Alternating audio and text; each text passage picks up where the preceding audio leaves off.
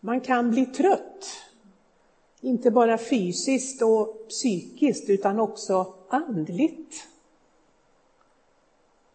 Gud kan kännas avlägsen.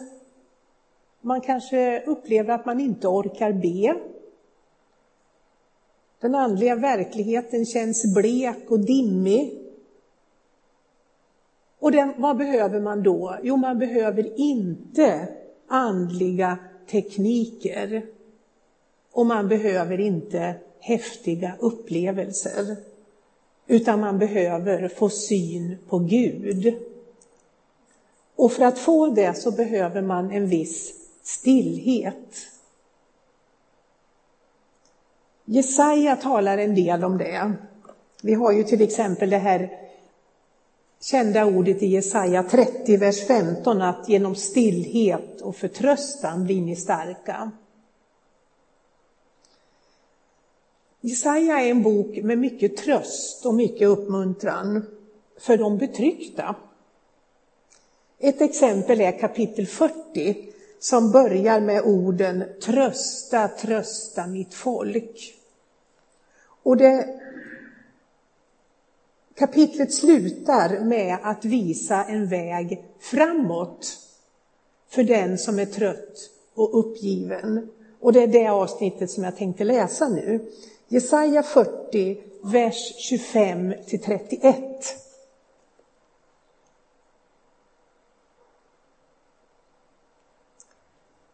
40, eh, vers 25 till 31. Med vem vill ni jämföra mig? Vem är min like? säger den helige. Lyft blicken mot skyn och se, vem har skapat allt detta? Han som mönstrar stjärnornas här och låter dem tåga fram. Han som ropar upp dem alla, så väldig är hans makt och hans styrka att ingen av dem uteblir. Jakob, hur kan du tala så? Israel, hur kan du säga jag vandrar osedd av Herren? Min Gud tar sig inte an min sak. Har du inte förstått, inte hört? Herren är en evig Gud. Han har skapat hela jorden. Han blir inte, han blir inte trött, han mattas inte. Ingen pejlar djupet av hans vishet. Han ger den trötte kraft. Den svage får ny styrka. Unga män kan bli trötta och mattas, ynglingar snava och falla. Men det som litar till Herren får ny kraft. De får vingar som örnar. De springer utan att bli trötta, vandrar utan att mattas. Från början så riktas ju de här orden till ett folk, Israels folk, som har börjat undra om Gud har glömt bort dem. Om han kanske tröttnat Ingenting händer ju trots alla löften. De är trötta och uppgivna och det verkar som att de projicerar de här känslorna på Gud. Tänk vilket elände!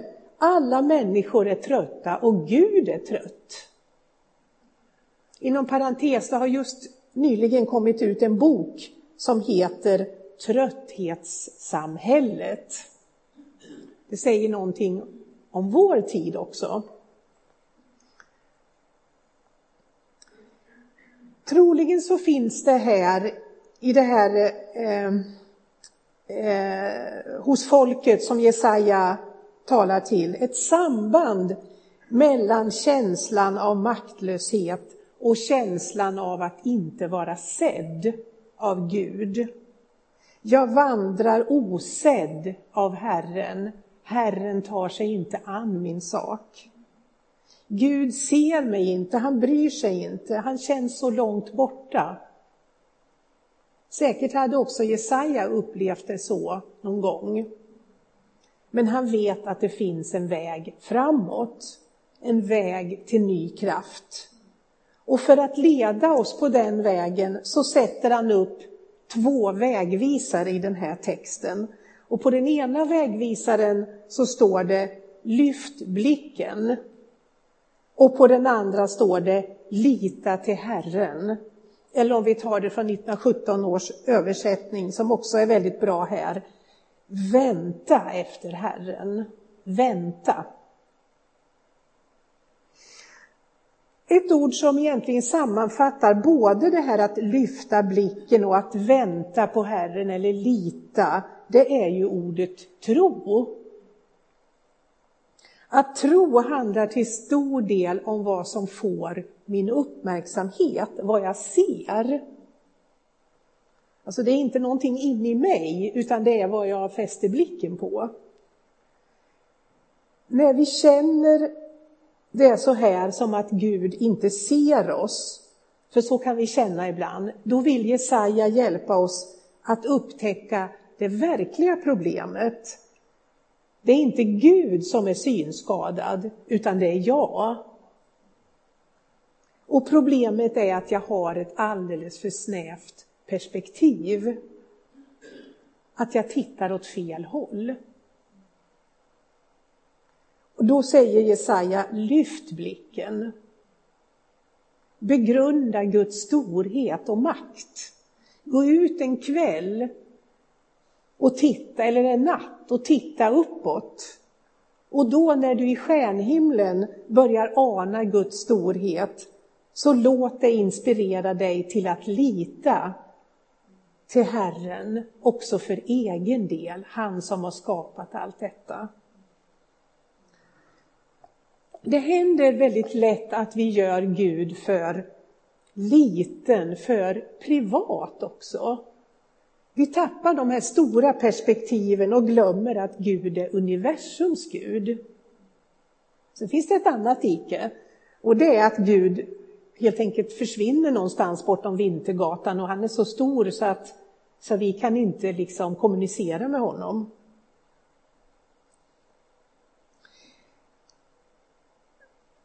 Men kanske är vi, många av oss, känner i alla fall jag kanske, att diket ligger närmare till detta att man gör Gud för privat. Och då får man minnas att Guds herravälde, hans makt och omsorg sträcker sig oändligt mycket längre än till mina privata intressen. Eller vår lilla församling för den delen. Inte så att han inte har den omsorgen, men han är så mycket större. Gud håller stjärnor och galaxer och hela skapelsen i sin hand. Och så här poetiskt skriver Jesaja tidigare i kapitel 40, vers 12. Vem mäter upp havet i sin kupade hand och himlens vidd med sina fingrar? Vem häller jordens mull i ett mått väger bergen och höjderna på en våg. Och senare i kapitlet så påminner profeten också om att det är inte de jordiska härskarna, utan det är Gud som har det sista ordet. Det är därför löftena är så dyrbara också. Gud styr i de stora sammanhangen men mest av allt visar han sin storhet i omsorgen om det lilla. Om den lilla människan, om dig och mig. Men för att påminnas om det så kan jag ibland behöva lyssna till stjärnhimlens mäktiga förkunnelse. Jag kan behöva lyfta blicken mot skyn och fundera en stund över frågan, vem har skapat allt detta? Och vad betyder det för mig? Vad betyder han för mig? Jag minns sista gången som jag träffade Signe. Hon var då närmare 93 år. Och det var två dagar innan hon dog. Det visste vi inte då, men vi förstod att det var nära. Och vi läste tillsammans just den här texten från Jesaja 40. Vi läste den gamla översättningen som hon var van vid. Lyft era ögon upp mot höjden och se, vem har skapat allt detta? Det har han som för härskaran där uppe fram i räknade hopar. Han nämner dem alla vid namn. Så stor är hans makt, så väldig hans kraft, att inte en enda uteblir. Och så minns jag Signes kommentar. Det var som att hon hade legat och inte tänkt på något annat än den här, än den här texten. Så säger hon, så innerlig och fylld av värme. Nej, han tappar inte bort någon enda av oss. Nej, han tappar inte bort någon enda av oss. Hon hade förstått det som var Jesajas budskap. Att han som håller ordning på stjärnor och galaxer, han tar också hand om varje liten människa som sätter sitt hopp till honom. Han som nämner alla stjärnor vid namn, han känner också var och en av oss vid namn. Vi är kända, älskade av honom personligt och varmt som vore vi den enda. Han tappar inte bort någon enda av oss. Och det gör han inte, det kommer han inte göra i evigheten. Han kommer att hitta på uppståndelsemorgon, uppståndelsens morgon. Han tappar inte bort någon enda av oss. Universums Gud är också min Gud. Den här gudomliga mixen av storhet och omsorg, styrka och ömhet, den finns också uttryckt tidigare i Jesaja 40. Det står så här i vers 10 11. Herren Gud kommer i all sin styrka, han härskar med mäktig arm. Sin segerlön har han med sig. De han vunnit går framför honom. Som en herde vallar han sin jord. Han tar upp lammen i sin famn och bär dem i sina armar. Han driver tackorna varligt. Sakta för han moderfåren fram, stod det förut.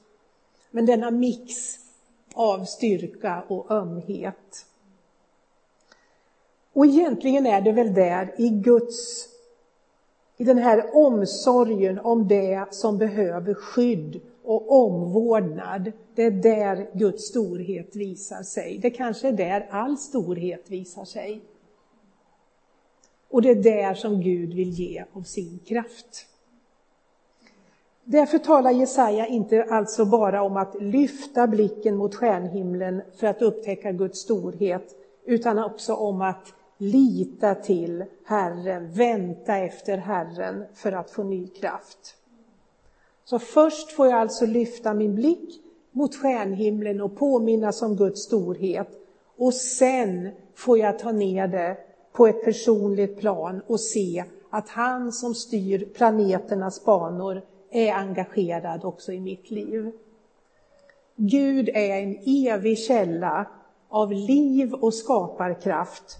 Och med den kraften, den som skapar, uppehåller och förnyar världen, vill han också beröra mig. Han blir inte trött. Och när jag blir det så vill han dela sin kraft med mig. De som litar till Herren får ny kraft. Eller med den äldre språkdräkten, de som väntar efter Herren hämtar ny kraft. Och vänta, det hör ju lite samman med stillhet. Det hebreiska ordet för lita eller vänta, det är släkt med ett ord som betyder att fläta samman. Att fläta samman. Eller att sträcka sig. Och där har vi genast två goda bilder. Att vänta på Herren är att sträcka sig mot honom i längtan att sträcka sig. Och det är också, att vänta på Herren är också att mer och mer sammanflätas med honom. I den här väntan liksom bli förbunden mer och mer, förenas med honom som är källan till allt liv. Och båda de här uttrycken, att lyfta blicken och att vänta efter Herren säger någonting om vad det betyder att leva just som skapad i förhållande till sin skapare. Först alltså detta att se uppåt mot honom som är större än jag själv. Att ha blicken vänd mot honom istället för att leva inkrökt i mig själv. Att vara skapad är detta. Att få leva med blicken vänd mot honom. Och så detta att leva i väntan är också ett uttryck för min relation till skaparen. Att i tro och längtan vara sammanlänkad med honom som är källan för mitt liv, som är mitt ursprung, som är källan till allt liv, alltings ursprung. Att vara skapad, att vara människa som Gud har tänkt sig, är att leva beroende av honom. Eller med andra ord, att inte vara sig själv nog. Hur skulle den skapade kunna vara oberoende av sin skapare? Att inte bara rusa iväg i egen kraft eller egna idéer, utan istället vänta in Guds signaler och Guds kraft. Ha en öppen kanal för hans flöde. Att vara skapad och att vara frälst. Det betyder också att när jag glömmer bort att leva uppåtvänd med blicken mot Gud och när jag glömmer att vänta på honom, när jag inte så att säga, inväntar hans kraft och ledning, så innebär det en utarmning av mitt andliga liv. Jag blir trött och uppgiven och mer och mer lik den där tynande lågan som Jesaja talar om i kapitel 42 i vers 3. Vi ska läsa det också här mot slutet. Ehm, men det finns hopp också där. Ehm, Jesaja skriver om någon vars kraft aldrig tar slut och som använder den kraften för att stötta dem som är på väg att ge upp. Vi känner igen det här från det vi läste tidigare. Men vi läser nu Jesaja 42, eh, vers 1-7. Detta är min tjänares uppgift som jag ger, min utvalde som jag har kär. Och här ser vi ju också, det här är ju en profetia på Herrens tjänare i bestämd mening, Jesus Kristus. Och Gud säger, jag låter min ande komma över honom, han ska föra ut rätten till folken. Han ropar inte, han höjer inte rösten, hans stämma hörs inte på gatorna. Det knäckta strået bryter han inte av, den tynande lågan släcker han inte. Han ska inte tyna bort eller knäckas innan han fört rätten till seger på jorden. Fjärran länder väntar på hans undervisning. Så säger Herren, Gud, han som har skapat himlen och spänt upp den, brett ut den, brett ut jorden med allt vad den alstrar, han som har gett liv åt människorna där, livsande åt dem som vandrar på jorden. Jag, Herren, har i min trohet kallat dig. Jag tar dig vid handen och skyddar dig. Genom dig ingår jag ett förbund med mitt folk till ett ljus för alla andra folk. Du ska öppna de blindas ögon och befria de fångna ur fängelset, ur fängelsehålan, de som sitter i mörkret. Det är ju en av, Jesaja, en av Jesajas profetier om Herrens tjänare. Och här är naturligtvis perspektivet mycket större än min personliga uppbyggelse, även om den ju finns med. Men perspektivet är så mycket större. Det handlar om hur Gud genom Jesus ska fullborda förbundet med sitt folk Israel och på det sättet skapa rätt och rättfärdighet för alla folk. Men det är ju just i det här stora perspektivet som det finns en verklig tröst också för mig i mitt liv. Att bara komma med lösryckt tröst från ingenstans som någon slags eh, positivt tänkande, vad är det? Nej, här är det tröst och uppmuntran som kommer ur de stora sammanhangen, från Gud som har allt i sin hand och som har världens öde i sin hand. Så den uppmuntran som Gud ger är aldrig någon egotripp, utan han visar mig en plats i ett större och ett meningsfullt sammanhang i Guds rike, där jag får växa, där jag får upprättas som människa i relation till min skapare och i relation till andra människor. Och i den processen, som många gånger är svår och smärtsam, så möter han mig med ömhet. När jag är utmattad och uppgiven så kommer han inte med hårda ord och förebråelser, utan han talar in sin kärlek, sin glädje och frid i mitt hjärta. Det knäckta strået bryter han inte av, den tynande lågan släcker han inte. Vi vandrar inte osedda av Gud, utan han ser oss. Det vi behöver är att få syn på honom. Som Emmausvandrarna, när den uppståndne bröt brödet och gav åt dem, så sägs det, säger Lukas, då öppnades deras ögon och de kände igen honom. Jesus, tack att du vandrar vid vår sida även när vi inte ser dig eller ser att det är du eller vi tycker att du försvinner bakom en massa omständigheter och töcken och moln och allt vad det kan vara. Så går du där och vi ber att du ska komma till oss och bryta brödet med oss. Och att vi ska få känna igen dig, att vi ska se dig och att vår blick ska få vara fäst på dig.